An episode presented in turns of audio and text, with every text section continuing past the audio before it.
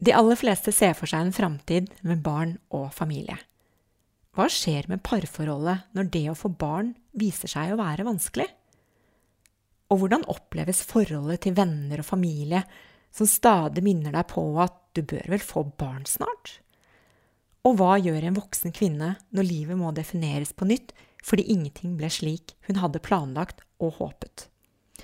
Dette kan du lese mer om i boken Barnløs Boken kan bestilles i bokhandelen. Du kan kjøpe den portofritt på barnløs.no. Og hvis du sender meg en e-post, så kan jeg skrive en hilsen til deg i boken. Da sender du til boken barnlos i ett ord at gmail.com.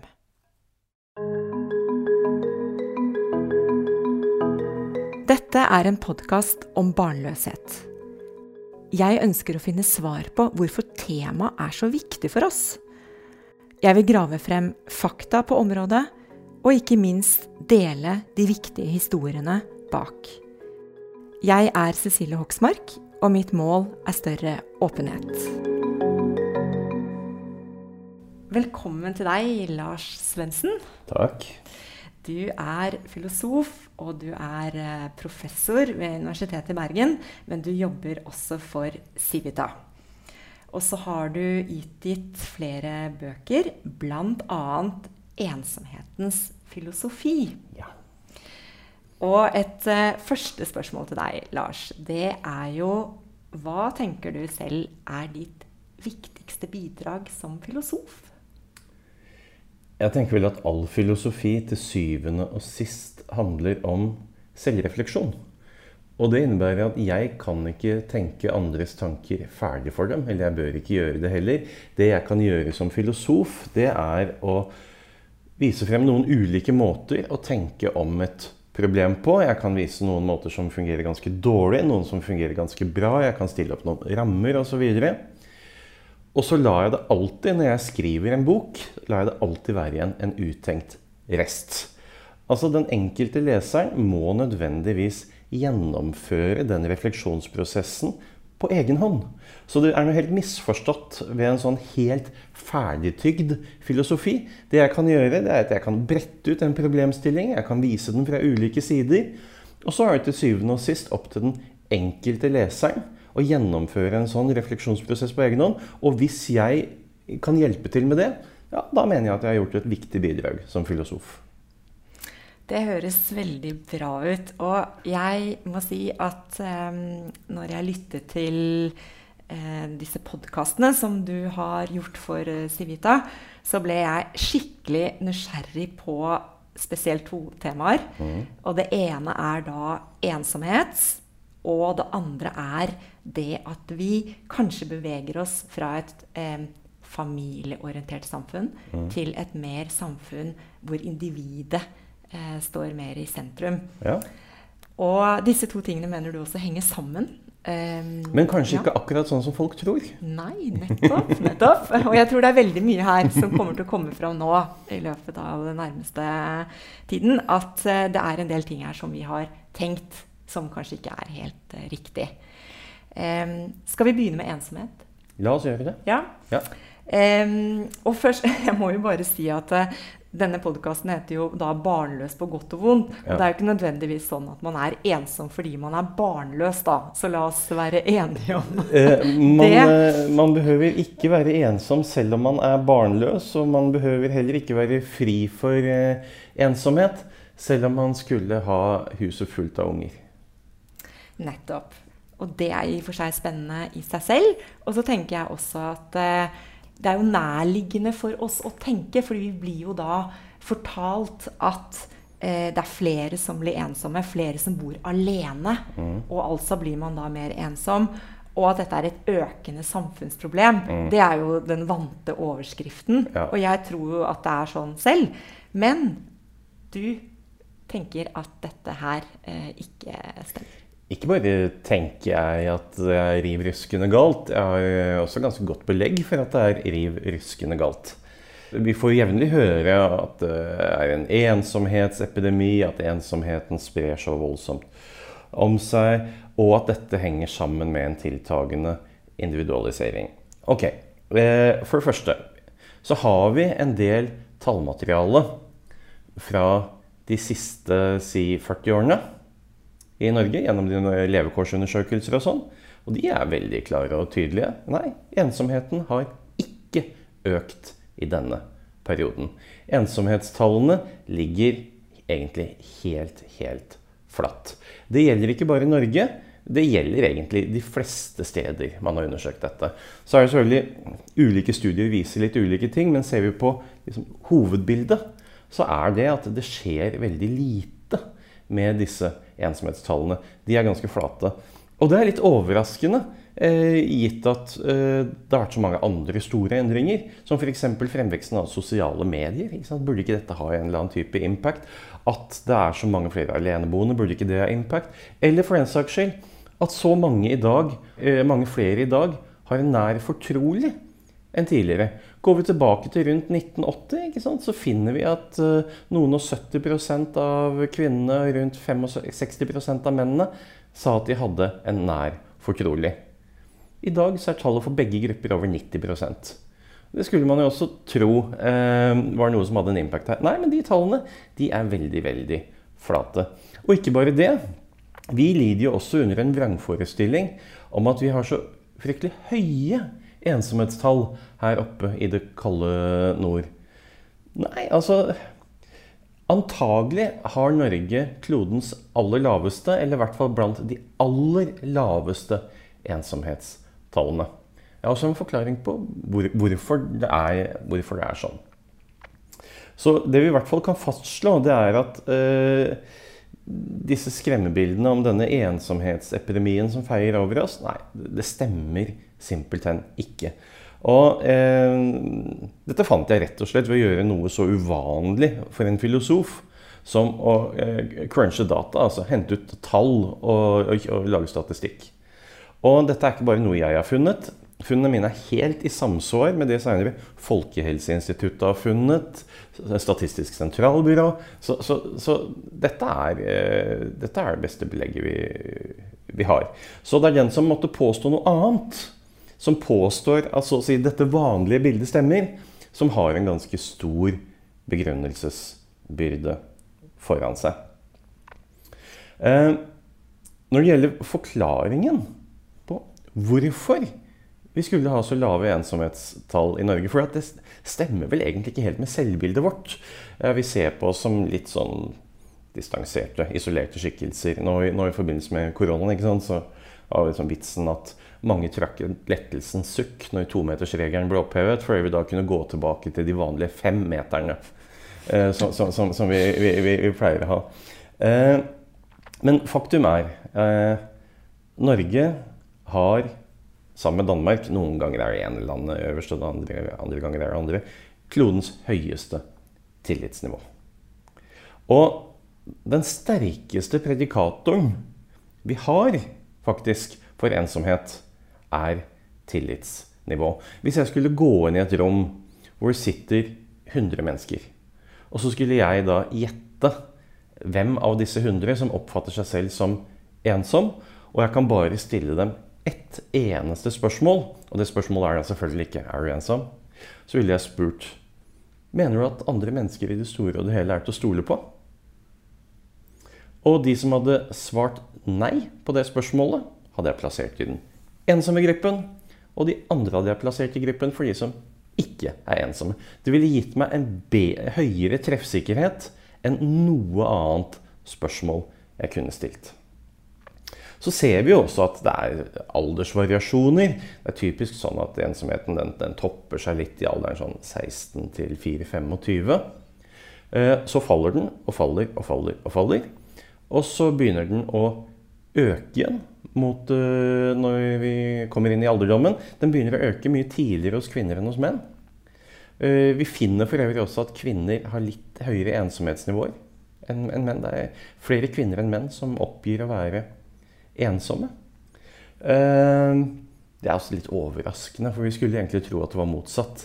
Fordi kvinner har større sosiale nettverk enn menn. De har flere nære venner. Når kvinners vennskap går i vasken, så har de en sterkere tilbøyelighet til å få nye venner, og, og, og, og, og så videre. Så mest skulle tilsi at kvinner har eh, lavere grad av ensomhet, men, men det, det, er, det, er, motsatt.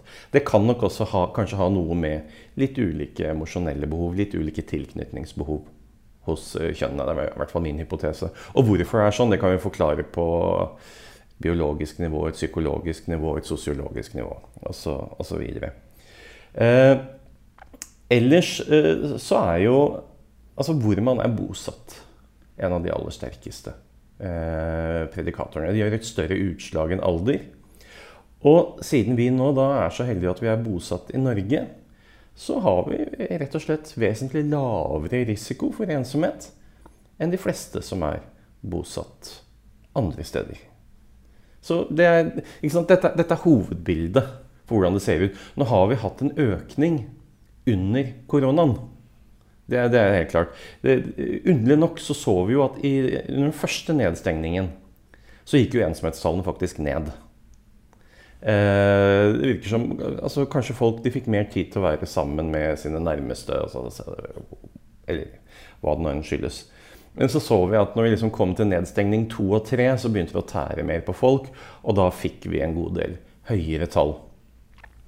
Eh, men den ensomheten der er jo eh, et eksempel på det jeg kaller det, altså den situasjonsbestemte ensomheten.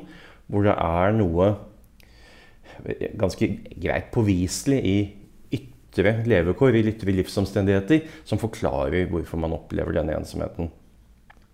Og da har vi også all grunn til å tro at den økningen vi så nå under nedstengningene i forbindelse med koronaen, de økningene de forsvinner igjen når vi er gjennom dette. Da er vi antagelig tilbake igjen på, på normalen. Og det er kanskje det vi denne typen ensomhet vi særlig tenker på når vi tenker på ensomhet. At det er noe der ute som så å si Eller mangelen på noe der som gjør folk ensomme. At det er fordi at de f.eks. har uh, for få mennesker rundt seg, eller uh, hva det nå måtte være. Men, uh, og det er én form for ensomhet. Men faktum er jo også at det å være alene og det å være ensom er to helt atskilte ting. Når vi ser på gruppen av mennesker som oppgir å være ensomme, så ser vi at de på et gruppenivå er omgitt av andre mennesker i nøyaktig like stor utstrekning som de som oppgir at de ikke er ensomme. Eh, så du vil være slik at det er noen mennesker som så å si alltid er alene. De er, føler seg ikke det minste ensomme. Eh, det vil være folk som alltid er alene, som er forferdelig ensomme. Det vil være folk som har en flott familie, venner, kollegaer osv som ikke føler seg det minst ensomme. Og så har du den litt interessante gruppen. Altså folk som er omgitt av flott familie, venner og kollegaer. Og de føler seg bunnløst ensomme hele tiden. Og for den gruppen så ser vi at endringer i ytre livsomstendigheter ja, det utgjør egentlig ikke noe forskjell. De er ensomme uansett, de. Uh, og det, det, er da de jeg omtaler som altså kronikerne. Og det, det er et par prosent i, i den gruppen. Der har det neppe vært noen økning i løpet av uh, koronaen. Nettopp fordi de, de, de, var ensomme før koronaen. De er ensomme under koronaen. De kommer til å være ensomme etter eh, koronaen. Og så til slutt så har vi også bare den sånn helt greie eh, altså Ensomheten vi alle kjenner som bare kan komme over oss. Den kommer og går. Du kan være på en fest, og så er det kanskje ikke så mange å snakke med der, eller noe sånt. Du føler deg litt ensom. Men den, den kommer og går. Den er, den er ikke problematisk. Ikke? Det er de to andre formene som kan uh, redusere livskvaliteten din, din, din kraftig. Og det, det kan utvilsomt gjøre. Altså langvarig, dyp ensomhet har uh, veldig stor innvirkning på både det, selvfølgelig den uh, mentale helsen, men også faktisk den, den fysiske helsen langvarig dyp ensomhet eh, har en impact som ikke er helt ulik en 10-15 sigaretter om dagen. Fører til kraftig forhøyde nivåer av stresshormoner, mer hjerte-kar-lidelser osv. Så, så, så for all del er et fenomen vi skal ta på alvor. Eh, men skal vi også ta det på alvor, så bør vi ha et noenlunde realistisk bilde av hvor omfattende er problemet. Hvor mange prosent er det som da oppgir at de er ensomme? Husker du det tallet? Ja, altså, Det varierer ganske mye fra studie til studie. For at akkurat hvordan du stiller spørsmålet, vil gjøre ganske stort utslag på, på hvilke, hvilke, hvilke, tall du får. Og jeg mener dessuten man skal alltid ta de prosenttallene der med en klype salt. Fordi svaret er altså Hvis det er 27,3 eh, er ensomme Svaret er mye mer presist enn hva spørsmålet egentlig tillater. Hvis du skjønner. Men hvis vi sier at vi er kanskje i det nabolaget der et sted, kanskje rundt en 25-ish eh, prosent. Ja. Men, men, det vil variere litt med aldersgruppe også. Og jeg vil si det vi egentlig kan bruke disse studiene av, eh, er ikke så mye til å få et, eh, et helt, helt presist svar på hvor mange i befolkningen er ensomme til enhver tid, men vi kan bruke dem til å sammenligne. Hvis du stiller spørsmålet på samme måte over tid, så kan du se noe om er det en utvikling her. For da vil feilkildene antagelig være like fra gang til gang. Eh, sånn at du får sammenlignbare svar. Og Du kan også bruke det til å sammenligne et område med et annet. Enten det nå er innad i et land eller mellom land. Og Når vi gjør dette innad i Norge f.eks., så finner vi jo at det er ikke så enormt store eh, forskjeller. Men vi finner jo da at det er litt høyere ensomhet på tettsteder f.eks. enn i de større byene. Også litt motsatt av hva folk tror. For folk tror at det er i de store byene ensomheten er så stor.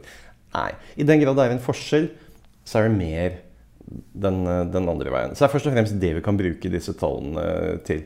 Og vi, så vil vi også da, som jeg sa tidligere, vi har noen få prosent, som er da det vi kan kalle kronikerne. Den andelen kan se ut til å ha gått ned bitte lite grann. Men det er så små bevegelser at for alle praktiske formål så kan vi si disse tallene er, er flate. altså. Ja. ja. Så har vi et um, annet tema som også er veldig interessant. Og det er sikkert flere enn meg som tenker at vi nå lever i en veldig familiesentrert kultur. Mm. Og i hvert fall da fra mitt ståsted, som da ikke har barn og familie, så mm. tenker jeg jo det veldig. Mm. Um, men så er det interessant, fordi du tenker også her at her er det en endring. Det er en kolossalt viktig endring på gang. Eh, nå virker det kanskje som jeg bruker både pauker og basuner. Eh, men dette er kanskje en av de største endringene i menneskehetens historie eh, vi er vitne til nå. Fordi i alle tidligere samfunn så har gruppen på et eller annet nivå vært den grunnleggende så å si, sosiale reproduksjonsenheten, eller sosiale enheten. Om det da har vært eh, storfamilien, kjernefamilien, stammen osv., så, videre, så er det alltid gruppen. Og det er klart, i moderne tid så har det da vært kjernefamilien. Det vi jo er vitne til, er jo en kolossalt kraftig og hurtig individualisering. Ehm, vi ser at det er individet som i stadig større grad blir den grunnleggende sosiale enheten her. Ehm, og eh, kanskje overraskende så eh, fører land som Norge, Sverige, Danmark osv. an her. Altså det er, liksom, det, er, det er landene med, den typiske, med liksom solide velferdsstater som er kommet egentlig lengst i denne individualiseringen. Og det kan jo virke litt overraskende, for med en gang vi sier velferdsstat, så tenker vi fellesskap og, og, og den slags. Men hva er velferdsstaten er? Eh, jo, den er, den er, mye forskjellig, men den er jo også en maskin som produserer individualisering. Ved at velferdsstaten er der og garanterer deg et fundament i tilværelsen, så blir du samtidig mindre avhengig av familien eller gruppen. Du har rett og slett anledning til å stå på egne ben. Og eh, i Norge så er vi jo på rundt omkring 50% av husholdningene er enpersonshusholdninger. I Oslo så har vi bydeler hvor vi ligger oppe i 60 og opp mot 70% énpersonshusholdninger. Eh, og det er kolossalt mye. Eh, så ser vi også at det er andre deler av verden hvor dette virkelig har eh, altså, skutt fart. Og det er ikke minst også BRIC-landene, altså Brasil, India, Kina osv. ser vi veldig sterk individualisering. Så dette, dette er ikke et rent vestlig fenomen. Ser vi til USA i dag, så ser vi at den mest vanlige husholdningen den eh, består av to voksne. Så vil kanskje mange tenke at den nest mest vanlige det er sikkert to voksne med barn. Nei da, den nest mest vanlige er enpersonshusholdningen. Og først på tredjeplass finner vi to voksne med barn. Altså kjernefamilien. Eh, så her eh, Dette er en utvikling vi egentlig ser over hele kloden, men den er også veldig, veldig tydelig her i, i, i Norge. Vi har jo klodens nest høyeste andel aleneboende. Det er bare svenskene som har en høyere andel enn eh, en oss. Og så er jo da den naturlige tanken at dette må jo skape enormt mye ensomhet. Og hvis ting hadde vært sånn som de pleide å være, så ville de ha gjort det. For når vi ser tilbake på eldre studier, så ser vi at aleneboende rapporterer ensomhet i mye høyere utstrekning enn folk som lever sammen med andre. Er ikke helt det vi finner lenger. Og det skyldes nok ikke minst at det å bo for seg selv, bo alene, har forandret seg. Det har endret status. Vi skal ikke skru så altfor mange tiår tilbake før det å være aleneboende det var en skjebne. Det var en ulykksalig skjebne. ikke sant? Man hadde dessverre havna der i tilværelsen. Eh, og var liksom ikke kommet opp på den normen hvor man eh, har, har kjernefamilien eller lignende. Det vi ser i dag, er jo nettopp at det å være aleneboende i mye større grad er noe folk velger. Og det er klart, når det å bo for seg selv er selvvalgt, snarere enn noe man så å si er dømt til av ulykksalige omstendigheter, så forandrer det seg også helt. Vi ser at de aleneboende også har eh, mye mer kontakt med venner enn det de som lever sammen med andre har. Eh, vi kan si at det de har eh, gått for, er en type valgt sosialitet fremfor en gitt sosialitet. Um, og det ser ut til å fungere ganske bra for dem. Så er det jo da disse forestillingene om at jo, men likevel på et eller annet nivå så må jo denne individualiseringen skape masse ensomhet. Ja, ok, men da kan vi gå inn da, så sammenligner vi mer individualistiske samfunn med mer kollektivistiske samfunn. Og så ser vi hvor er ensomheten størst. Og da finner vi helt gjennomgående at ensomheten er klart lavere i mer individualistiske samfunn enn i mer kollektivistiske samfunn. Eh, og det er jo morsomt ikke sant, hvordan vi her oppe i det litt kjølige nord kan kaste noen sånne lengselsfulle rosenrøde blikk i retning Hellas, Portugal, Spania, Italia. Ikke sant? Og de gode, varme fellesskapene der. De har enormt mye høyere ensomhetstall enn oss. De har også mye, mye lavere tillitstall. For dette er, annen, uh, dette er, et annet fenomen vi også finner. Det er mye høyere tillitsnivåer i mer individualistiske kulturer. Uh, og da snakker vi om sant, den generaliserte tilliten som er det, det viktige for, for, for, for, ensomheten her. Altså, Generalisert tillit handler jo om i hvor stor utstrekning mener du at andre mennesker i det store og det hele er til å stole på. Og som allerede nevnt, vi nordmenn vi er jo helt på topp der. Så når disse World Value Service blir presentert, så er det gjerne en sånn overskrift i Aftenposten av typen 'Nordmenn, klodens mest naive folkeslag'. Eh, og det er i så fall en, en, naivitet vi skal prise oss lykkelige for, for den tilliten der er vår eh, viktigste naturressurs. Den er viktigere enn olja, Altså. Gjør at vi kan samhandle så effektivt. Eh, og, eh, og, hvor, og vi ser da at i mer individualistiske kulturer så er ikke tilliten bare forbeholdt familien eller den nærmeste gruppen. Vi stoler på fremmede. Ikke sant? I mye større utstrekning i de mer individualistiske kulturene.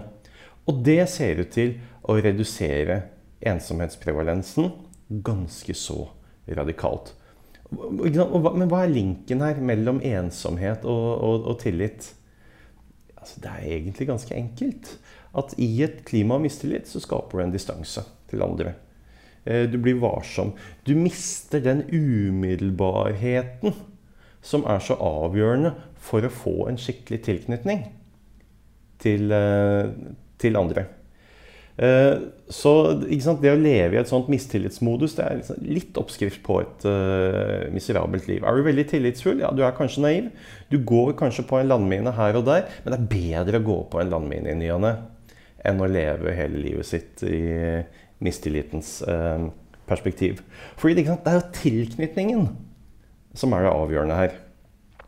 Det som avgjør hvorvidt en person er ensom eller ikke, handler ikke om hvor mange mennesker denne personen har rundt seg. Det handler om hvordan opplever denne personen sin tilknytning til andre. Det er det det går på. Og det er litt uavhengig av hvor mange du måtte ha, ha rundt deg. Så det er helt, helt grunnleggende. Og tillit er en ganske så avgjørende forutsetning for å få på plass en sånn tilknytning. Mm. Dette har jo vært en utvikling som sikkert har gått i et veldig raskt eh, tempo, hvis man liksom ja. ser et sånn historisk eh, perspektiv på det. Hvordan tenker du det er om eh, ti år? Hmm ti år er utrolig kort tid i en ja. filosofs eh, perspektiv. eh, filosofer kan jo være litt sånn at eh, si litt sånn, altså Denne individualismen er jo et helt nytt fenomen. Sånn har vi jo bare tenkt om oss selv i 250 år. altså, eh, men, men, det er klart, det har, det har skutt fart. Eh, det har skutt ganske kraftig fart de, de siste, um, siste tiårene. Men vi, vi, ser helt klart kimen her veldig tydelig tilbake i uh, opplysningstid og romantikk. Altså. Der, der, der, man begynte å virkelig se på seg selv som et individ som var uh, satt inn i verden med den oppgaven å skulle bli seg selv. Skulle realisere seg selv. Og hvor også da vi ser at de første eh, solide tematiseringene av ensomhet og, og, den slags kommer. Ehm, så det er dype historiske røtter, men for all del, det har skutt fart, eh, fart de siste tiårene. Nei, altså Min eh, standard fremtidsprofeti er jo at i fremtiden så kommer alt til å være akkurat slik det er i dag, bare enda mer på samme måte. Det er vel min beste, eh, beste gjetning. Jeg vil tro at om ti år så har vi fortsatt lave ensomhetstall i Norge. Vi er fortsatt på sosiale medier uten at det egentlig synes å gjøre helt store, det helt store utslaget. Eh, jeg kan jeg for øvrig bare, bare, skyte inn en ting. Jeg trodde jeg hadde fått et interessant funn eh, da jeg så at eh, de, Stort sett så er det ikke noen klar korrelasjon mellom eh, å bruke sosiale medier en del og, og ensomhet. Men vi ser at de aller mest aktive brukerne av sosiale medier de rapporterer høyere ensomhetstall. Og da tenkte jeg ok, men her er det en link. Det er ikke det. Eh, for det jeg også fant da jeg cruncha disse tallene fra levekårsundersøkelsene, er at mennesker som treffer vennene sine hver eneste dag, er mer ensomme enn mennesker som ikke treffer vennene sine like ofte. Og det gjelder nok da både for disse menneskene som treffer vennene sine hver eneste dag, og de mest hyperaktive brukerne av sosiale medier. Det er rett og slett mennesker med veldig store sosiale behov, veldig sterke tilknytningsbehov, eh, og som nettopp fordi de behovene er så sterke, lettere mislykkes i å få dem tilfredsstilt. Helt avslutningsvis. Mm. Tror du da om Vi kan godt si 10 år, 20 år, da. Du kan få 10 år ekstra av meg nå. Tror du at vi blir eh, mer vant til at folk lever alene, og at vi ser på det å være alene uten å være ensom, at vi på en måte aksepterer det mer enn det vi gjør i dag? Ja, jeg tror vel i og for seg at aksepten for å velge å leve alene er ganske stor. eh, Særlig i de litt yngre aldersgruppene. Og etter hvert som vi får en utskiftning eh, her, så, så vil nok den aksepten bare være større og større. At vi simpelthen ser på dette som ett levevis blant andre, som er eh, helt greit. Så er det kanskje det vi også ser, altså en sterkere pluralisering. da. At det ikke lenger er én standardmodell, men at det rett og slett er veldig mange ulike levevis som står åpne for borgerne. Og det kan man også si vil si at vi kan leve friere liv. For hva i all verden skulle frihet være, annet enn å ha muligheten til å velge å leve ett slags liv istedenfor et annet. Det var fine avsluttende ord. Så jeg vil gjerne takke deg, Lars Svendsen, for at du ville delta i en episode. Takk for meg.